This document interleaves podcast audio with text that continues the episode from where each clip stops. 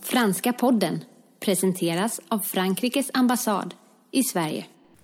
Bonjour Léon Thuram, merci beaucoup d'avoir accepté euh, notre invitation de participer au podcast de l'ambassade de France en Suède, euh, Franska podden. Donc vous avez été fait docteur honoris causa en septembre 2017 par l'Université de Stockholm.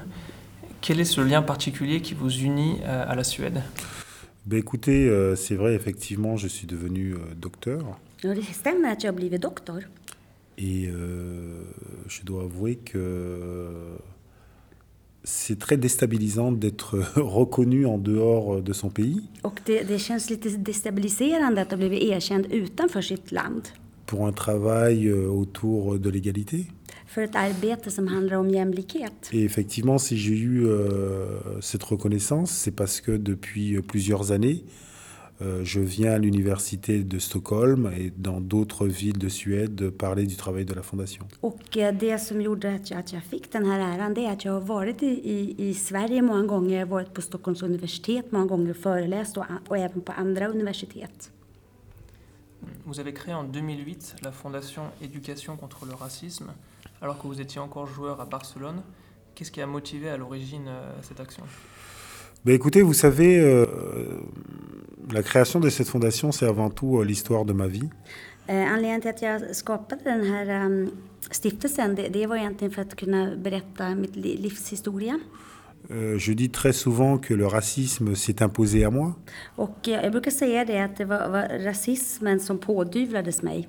Je suis euh, né en Guadeloupe. Jag föddes på Guadeloupe. Et quand je suis arrivé à l'âge de 9 ans à Paris, Och när jag kom till Paris och var nio år gammal. je dis euh, souvent que je suis devenu noir. Och jag säger ofta att det var då jag blev svart. Et ça peut paraître bizarre, mais euh, les gens oublient qu'on devient noir dans le regard des autres. Och det kanske låter konstigt men man glömmer ofta att man blir svart i betraktarens ögon. Et donc, en devenant noir, euh, j'ai compris que on était vu euh, différemment, négativement, inférieurement. Och när jag då blev svart då insåg jag att man såg på mig liksom som att jag var mindre värd. Et donc, j'ai dû me poser la question à savoir pourquoi ces enfants blancs pensaient qu'ils étaient supérieurs à moi. Och då var jag tvungen att försöka förstå varför de här vita barnen tyckte att de var Ish. bättre än jag. Et donc, j'ai compris que c'était lié à l'histoire Då förstod jag att, det- att det var kopplat till historien. et que chacun de nous, euh, qu'on le veuille ou non, nous sommes porteurs d'une histoire Och att alla så bär vi på en historia vare sig vi vill eller inte. Une histoire qui s'est construite sur des hiérarchies euh, selon la couleur de la peau. Och en historia som är konstruerad på hierarkier med utgångspunkt från hudfärg. Comme nous sommes euh, porteurs euh, de la plus vieille hiérarchie qui existe dans nos sociétés, På samma sätt som vi också bär på den äldsta av alla hierarkier. la hiérarchie entre les hommes et les femmes. Hierarkin mellan man och kvinna. Et donc, en grandissant, euh, j'ai pu euh, m'éduquer sur le sujet. Så att eh, allt eftersom jag eh, blev äldre så lärde jag mig mer och mer om det här. Quand j'étais joueur de foot, on me demandait euh, très souvent de venir dans les écoles. Och när jag, när jag var aktiv fotbollsspelare så bad man mig ofta komma och föreläsa i skolor. Et donc, euh, à la fin de ma carrière, j'ai pensé que c'était bien Och när min karriär började gå mot sitt slut så tyckte jag att det här var en- någonting bra. de me, ser- de me servir de ma notoriété pour questionner euh, l'inconscient collectif. Och att jag faktiskt kunde använda mitt kändisskap för att ifrågasätta eh, den eh, kollektiva uppfattningen. Parce que trop de personnes pensent euh, que le racisme est quelque chose de naturel För alldeles för många tror att rasism är någonting naturligt et ne comprennent pas que euh, c'est avant tout une construction intellectuelle. och förstår inte att det först och främst är en intellektuell konstruktion. Et justement, à ce sujet, à la différence d'autres associations ou mouvements antiracistes, vous n'avez pas une action euh, moralisatrice, vraiment, vous prenez plutôt une réflexion de chacun sur ses propres préjugés. Finalement, on se- on serait tous plus ou moins racistes. Ben, de toute façon, euh, effectivement, euh, chacun de nous, comme je vous ai dit, nous sommes porteurs euh, de, de l'histoire.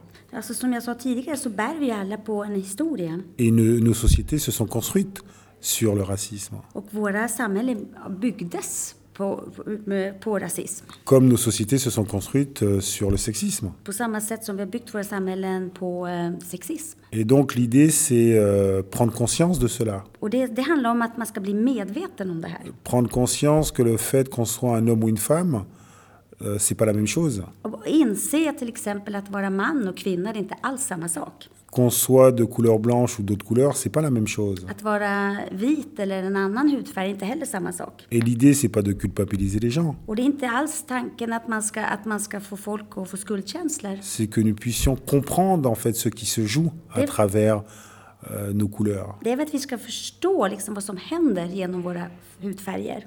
Et je pense qu'effectivement, si nous voulons améliorer les choses, Och jag tror att man ska kunna förbättra. chacun de nous, nous devons être assez courageux Då måste vi alla vara tillräckligt modiga pour être mis devant ses propres préjugés för att titta på våra egna fördomar. et ne pas avoir honte de ses, pro- ses préjugés. Och inte skämmas över sina fördomar. Juste essayer de les comprendre. Bara försöka förstå dem. Pour revenir à votre carrière, euh, comment vous avez été confronté au racisme dans le monde du football Ben écoutez, euh, lorsque j'étais euh, joueur de foot en Italie, När jag spelade fotboll i Italien euh, très souvent, euh, certains supporters faisaient le bruit du singe lorsque les personnes noires touchaient la balle. så var det ofta så att en del supportrar de lät som apor varje gång en svart spelare rörde bollen. Mais je comprenais déjà euh, le pourquoi de ces bruits de, de singe. Men, men jag förstod varför de just lät som apor. Parce qu'encore une fois, euh, il y a eu une prétendue euh, hiérarchie entre les races. För eh, det, det har ju funnits en så kallad eh, hierarki mellan raser. où euh, la race blanche a été présentée comme euh, supérieure Där den vita rasen framställdes som eh, bättre et les personnes noires comme inférieures. och de svarta framställdes som eh, underlägsna. Et les personnes noires venaient avant euh, les singes. Och de svarta kom då före aporna. Et donc l'idée, c'était toujours d'essayer de comprendre les insultes Och därför så gällde det att försöka förstå de här förolämpningarna. et de dire, voilà, qu'est-ce que ces personnes racontent sur notre société. Och försöka förstå vad är det de här personerna säger om vårt samhälle. Et ces personnes essayaient de me renvoyer à ma couleur Och de här personerna de försökte liksom att, att eh, visa vilken färg jag hade, min hudfärg. pour me signifier que j'étais moins qu'eux.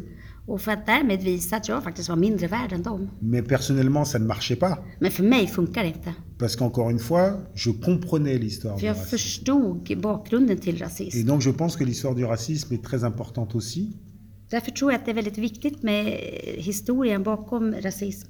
pour ceux qui pourraient subir le racisme, För de som utsätts för rasism. pour qu'ils comprennent que ceux qui ont un problème, ce sont les racistes, pas eux. För att de ska förstå att, att de som har ett problem, det är inte de utan det är rasisterna som har ett problem. Mais ce qui était assez incroyable, c'est que beaucoup de joueurs me disaient de ne pas parler sur ce sujet-là. Men det som var lite konstigt det var att många spelare sa åt mig att inte prata om de här sakerna. Beaucoup de dirigeants me disaient qu'il ne fallait pas m'exprimer sur ces Det sujets-là. var många av ledarna som sa att du ska inte uttala dig i de här frågorna. Et je pense que l'égalité n'avance pas parce que justement, euh, beaucoup de personnes ne comprennent pas que le racisme, c'est avant tout une violence. Och jag tror att, att det går inte framåt när det gäller jämlikhet därför många förstår inte att rasism det är verkligen något väldigt våldsamt. Mais je pense que le football est un magnifique moyen aussi de faire avancer l'égalité. Men jag tror också Ja, att, visst. att fotboll är ett fantastiskt verktyg för att kunna få sakerna att avancera. Parce qu'encore une fois, le racisme, c'est avant tout une façon de penser le monde.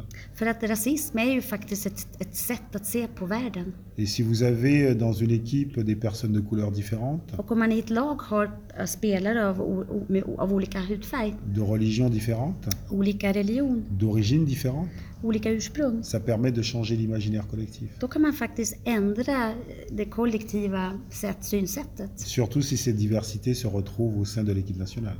Särskilt om den här mångfalden finns även inom landslaget. Donc c'est la, la- la puissance euh, du foot, du sport en particulier, qui, qui peut rapprocher les gens. Quelle est la, la- la portée de, de ces exploits sportifs euh, dans la société Mais effectivement, euh, c'est vrai que le football permet euh, euh, ce rapprochement. Jo, och f- fotbollen gör att vi kan komma närmare.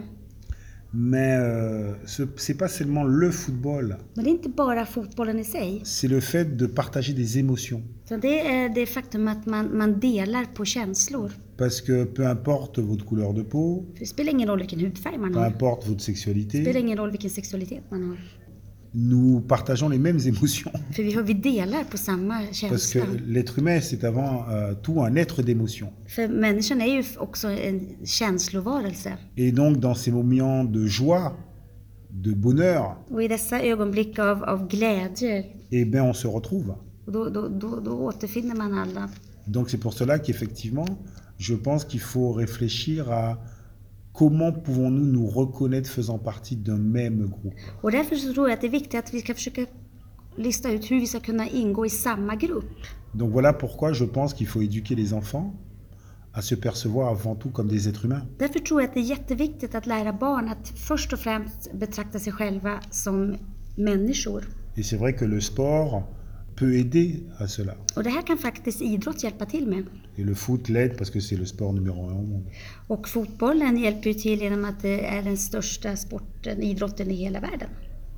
Euh, Depuis le début de votre action, est-ce que vous observez une évolution des mentalités vis-à-vis du racisme et euh, quelle, ré- quelle réaction vous observez dans les écoles Depuis une dizaine d'années, ce que je peux remarquer, c'est qu'il y a beaucoup de personnes qui travaillent pour l'égalité. Det jag upptäckte efter mitt, jag har ju arbetat med det här i tio år, det är att, att det finns många, många fler som nu jobbar med jämlikhetsfrågor.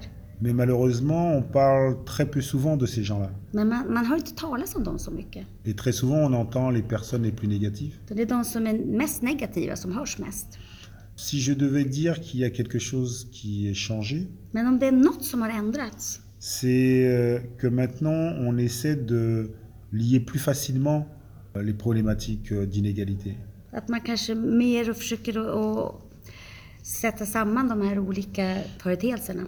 Par exemple, euh, le racisme, le sexisme, l'homophobie, Rasism, sexism, homofobi.